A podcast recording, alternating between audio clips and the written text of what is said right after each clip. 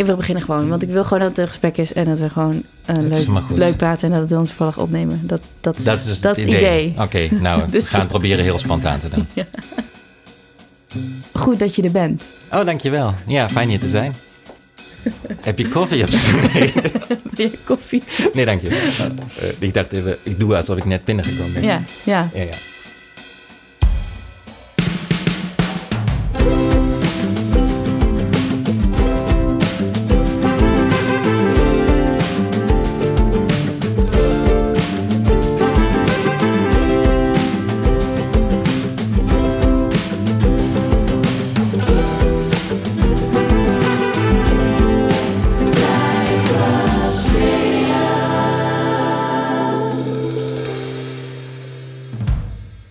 Hallo, je luistert naar de podcast Blijven Smeren.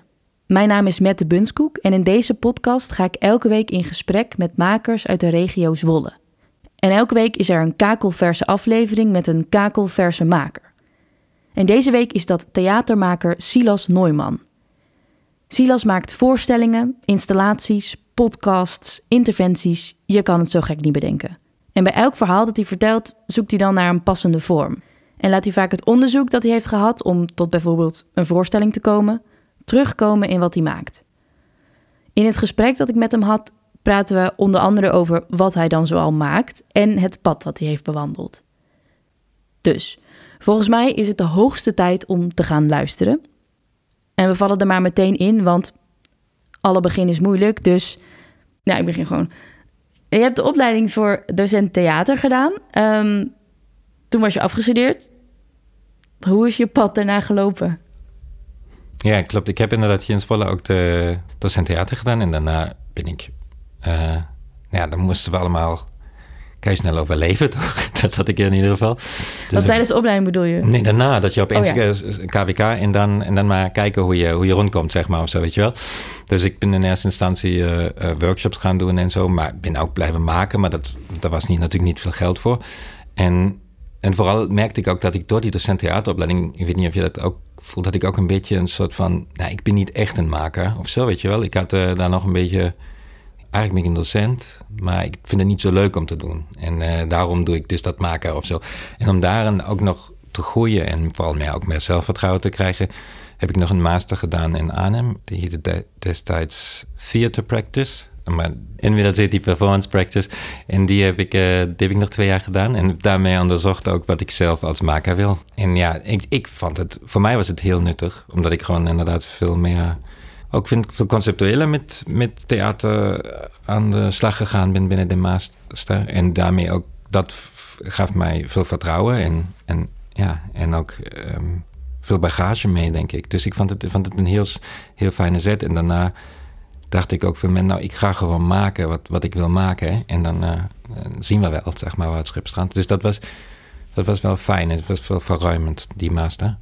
Dus voor je de maker werd die je nu bent, deed je een master om jezelf maker te noemen. Dus dat heeft die master eigenlijk met je gedaan. Dus eigenlijk kwam je van docent theater af dat je dacht, ja, ik ben, ben ik wel een maker, want ik vind eigenlijk docentschap hoef ik eigenlijk niet per se te doen. Dus ja, vooral ik was heel bang altijd voor die docentschap. Want ik dacht, ja, dan sta je dan in klas en ik heb mij altijd echt ik, eh, heel veel stress gevoeld, zeg maar, voor, voor, voor de kinderen. En ik dacht ook, ik ben niet zo goed daarin.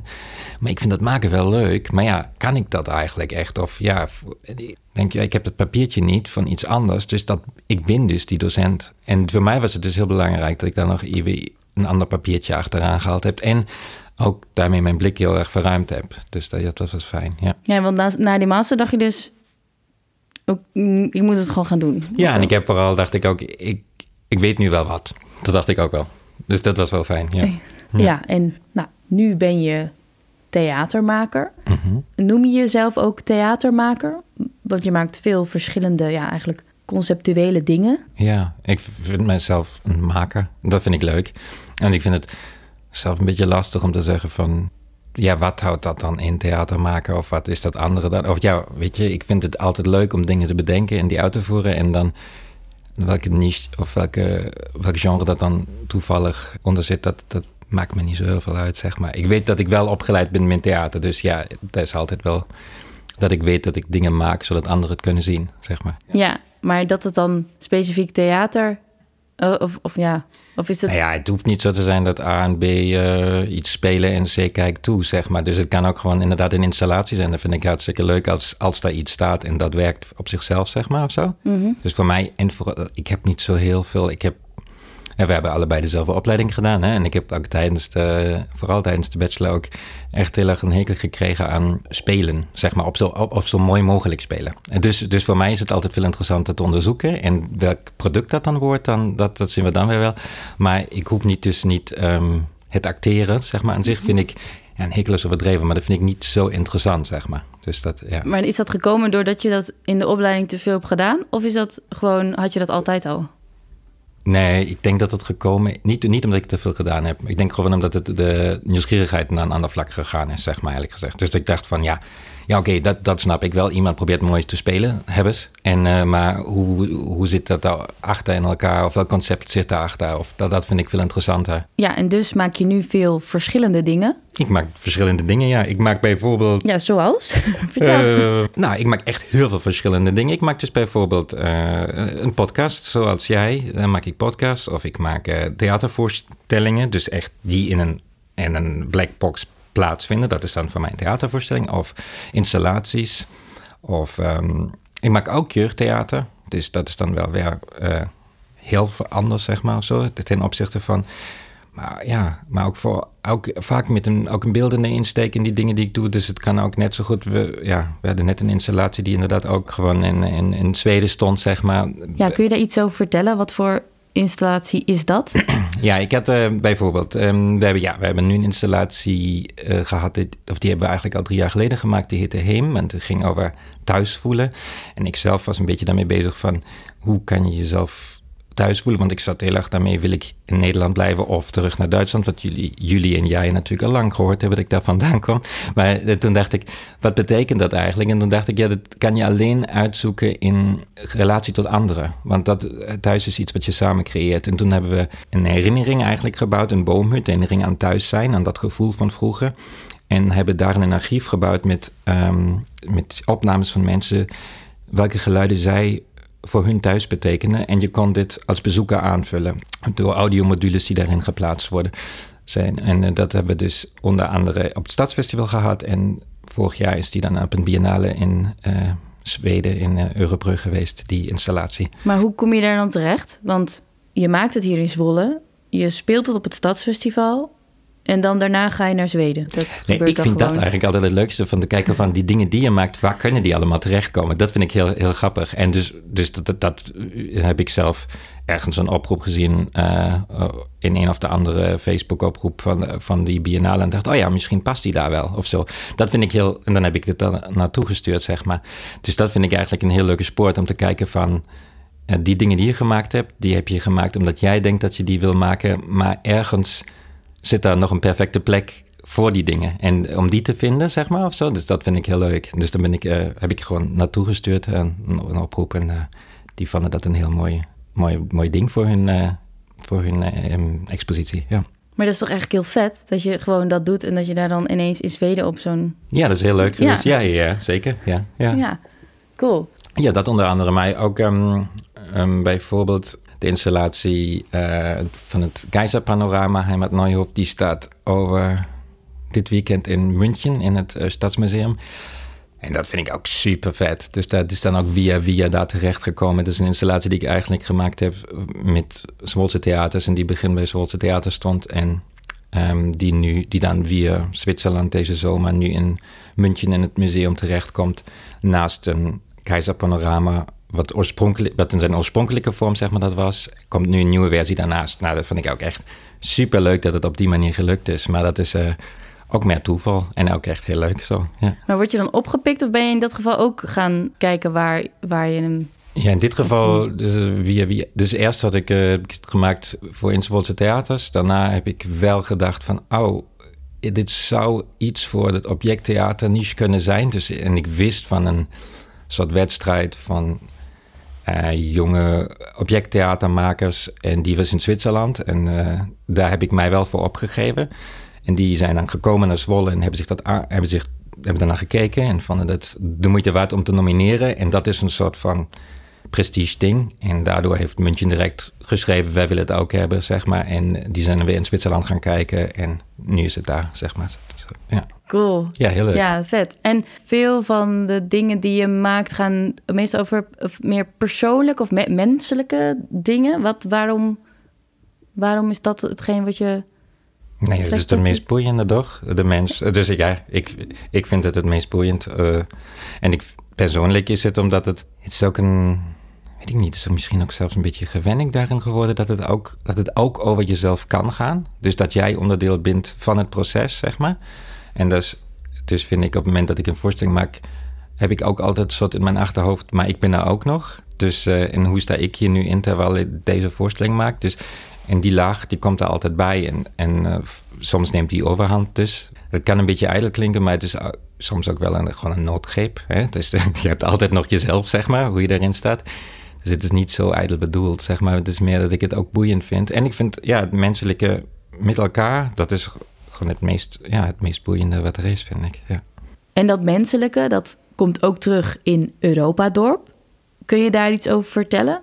Het is een voorstelling die nu nog speelt, toch? Ja, we hebben nog één voorstelling op 9 november in, in het Wilming Theater in Enschede. Ik spreek Enschede altijd verkeerd. Dus hoe zeg ik dat goed? Enschede?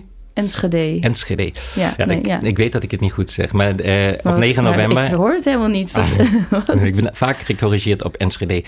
Oh, dit, dat klonk goed. Oké. Okay. Uh, op 9 november spelen we nog één voorstelling daar. Voorlopig de laatste.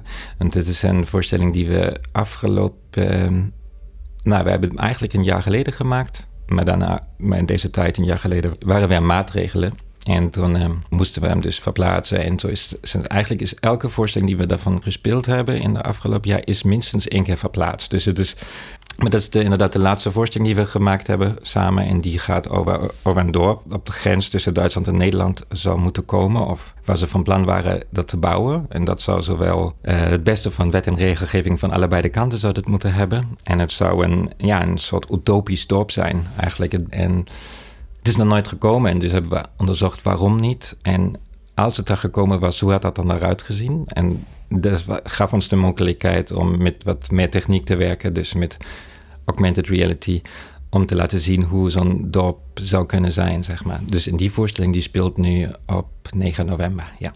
En je komt dat tegen, dat verhaal, denk ik? Of, of ja. ga je er naar op zoek? Of zag je het ergens staan? Of hoe? Nou, ik weet nog dat ik toen dacht, oh, ik moet iets nieuws... Ja, dat, dat ken je dat ook? Dat je dan denkt, ja, ik moet nu wel weer iets nieuws maken of zo, weet je wel? En dat ik dan dacht, oh, en ergens heb je een enorme bagage van dingen... die je allemaal nog denkt van, nou, dit wil ik nog een keer. En soms vergeet je dat weer. Maar ik denk dat je eigenlijk een rugzak vol van dingen hebt. En dat Europa dat was er één van. Dat ik dacht van, oh ja, dat wil ik eigenlijk nog een keer verder onderzoeken.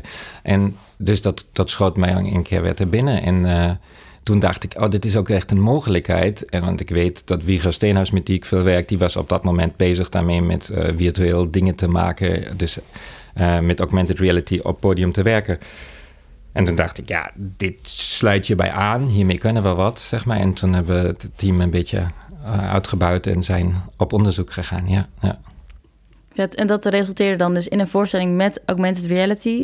En er zitten ook miniatuur dingen in. Is, want volgens mij doe je dat vaker, toch? Miniatuur dingen. Wat grijp je zo aan miniatuur aan? Nou, ik vind het daar vooral eigenlijk...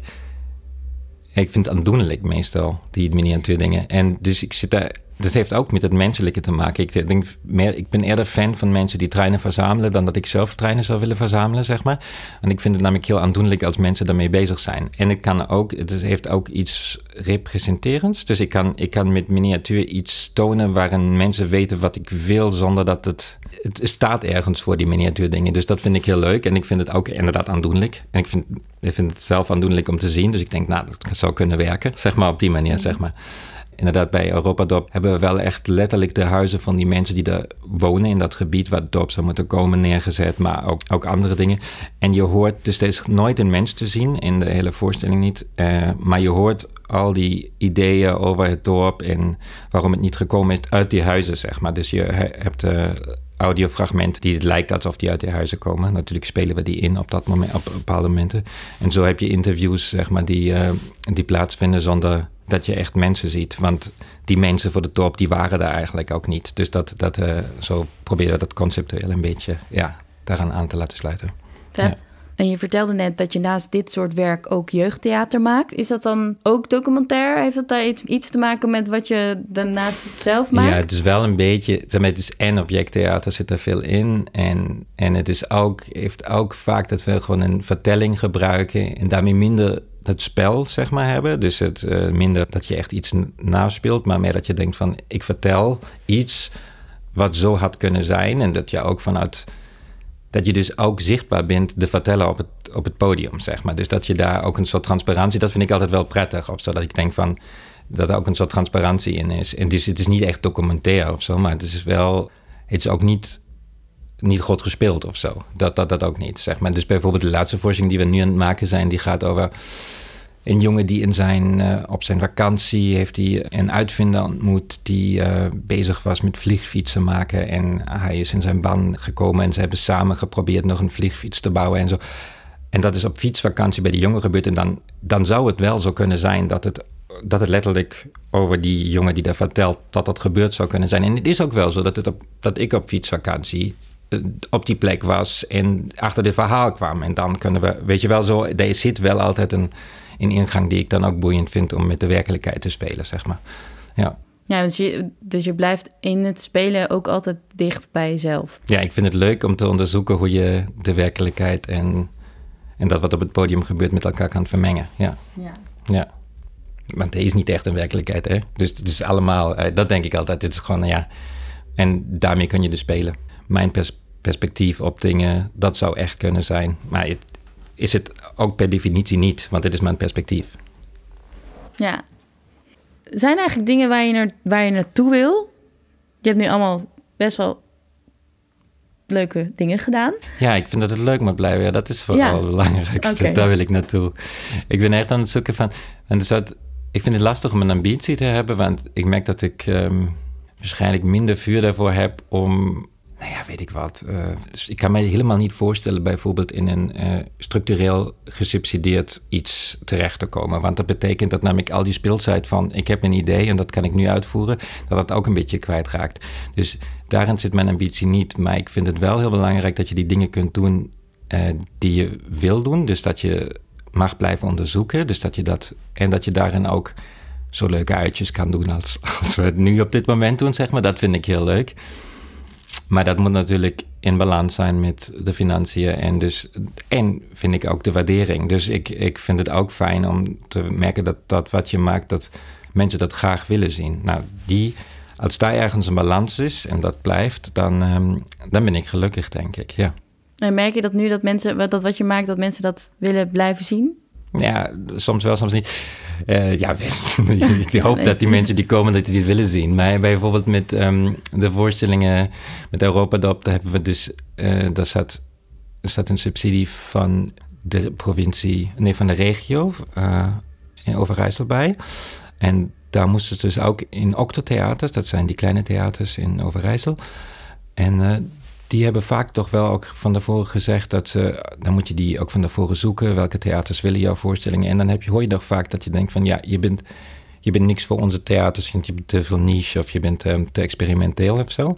Dus daarin is het niet altijd dat je denkt, oh ja, dat, daar staat iedereen op te wachten. En daar moet je eigenlijk je eigen um, publiek nog vinden, denk ik. En dat, daar ben ik ook mee bezig. Dat ik denk van, ik moet mensen, ik zoek mijn publiek ook nog op en een hoe doe je dat dan? Ja, ik ook niet zo goed. ja, ik, uh, ik merk dat het met festivals beter is. Zeg maar, als ik dus in die niche van, nu ben ik in de niche van objecttheater, zit ik een beetje in. En daar, daar komt op festivals van zichzelf al wat meer publiek op af, zeg maar. Dus van die komen voor, voor deze voorstellingen. Maar aan de andere kant ben ik ook nog echt aan het zoeken van, oh ja, wat zijn de goede partners? Ik merk bijvoorbeeld dat Mimic uh, in Deventer, dat het publiek daar goed aansluit op die dingen die ik doe of zo. Maar welke ja, ik ben zelf nog aan het onderzoeken van waar werkt dat wat ik maak en waar hoort het eigenlijk niet te zijn. Zeg maar, daar ben ik ook nog zelf aan het onderzoeken. Ja, ja. lijkt me best wel een. Uh, het lijkt me gewoon heel lastig dat als je een voorstelling maakt en dat dan een, dat je dat een theater dan voor jou besluit dat je daar niet dat Ja. past bij ons niet. Terwijl, Maar ja, dat is natuurlijk ook, ik snap je ook wel. Ik, ik kan me ook voorstellen dat, dat sommige theaters eh, bezig zijn met overleven. En dat ze dus veel liever een grote naam hebben waar ze weten dat het publiek naartoe gaat of zo, weet je wel. En dat, dat, eh, dus ik begrijp het wel. Maar je moet even nog zelf onderzoeken van waar hoort dat wat je maakt.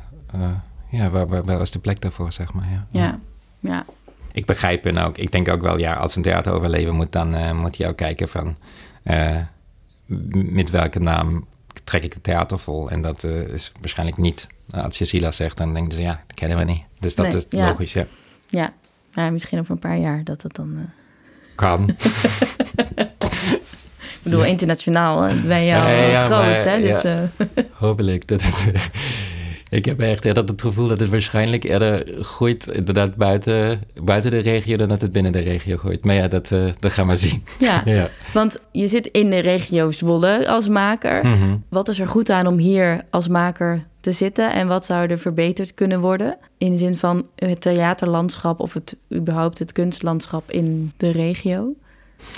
Eh, ik ervaar het zo dat het hier vooral ehm, relaxed is. Zeg maar dat, eh, dat het, nou ja, het is en vrij overzichtelijk hier in de regio, denk ik. Dus wie daar is, dus wie, welke, welke makers er nog zijn. Dat betekent ook dat je best wel korte lijnen hebt met alle culturele instanties. Dus dat je eigenlijk ook relatief snel op de hoogte bent van, weet ik wat, nieuwe regelingen of die, dingen. Of, dit is zo overzichtelijk dat het wel vrij prettig is en vrij ik denk ook makkelijk is om aan bod te komen. Dat klinkt misschien ook wat verwend, maar ik denk dat het wel zo is. Als je dat wil, dan kan je dat in deze regio, denk ik.